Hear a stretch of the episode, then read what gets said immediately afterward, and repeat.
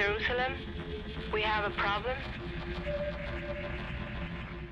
I come from Bethlehem in Palestine, and it informs uh, most of my um, daily life. Um, and in that way, I cannot kind of uh, get rid of it from my uh, artist, artistic practice. So most of my work comments on social and political problems in the Middle East and also the interaction between the Middle East and, and the West. I grew up in Bethlehem in the West Bank in Palestine, but even though that I grew up there, most of what I was watching was American films and sitcoms.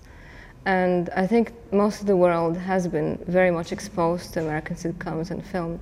So I try to use this common language that we all understand to reach a wider audience.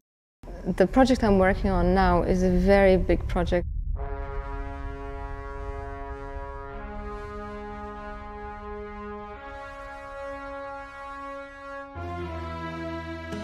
That's one small step for a Palestinian,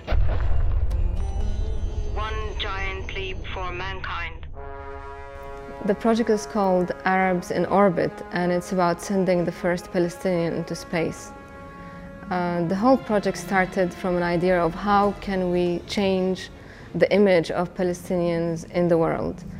The image that we have right now is either of Palestinians being refugees, victims, poor, or that they're like terrorists running around in the desert and uh, screaming murder. So I want to have a portal by which people could sort of understand Palestinians through a different through different means.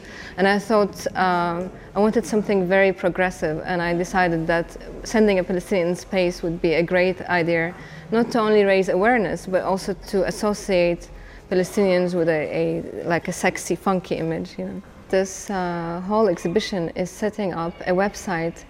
Uh, through which uh, the public can donate money to send a Palestinian into space. In that way, I'm trying to um, use art as a tool to, uh, again, reach a, a, wider public and affect change.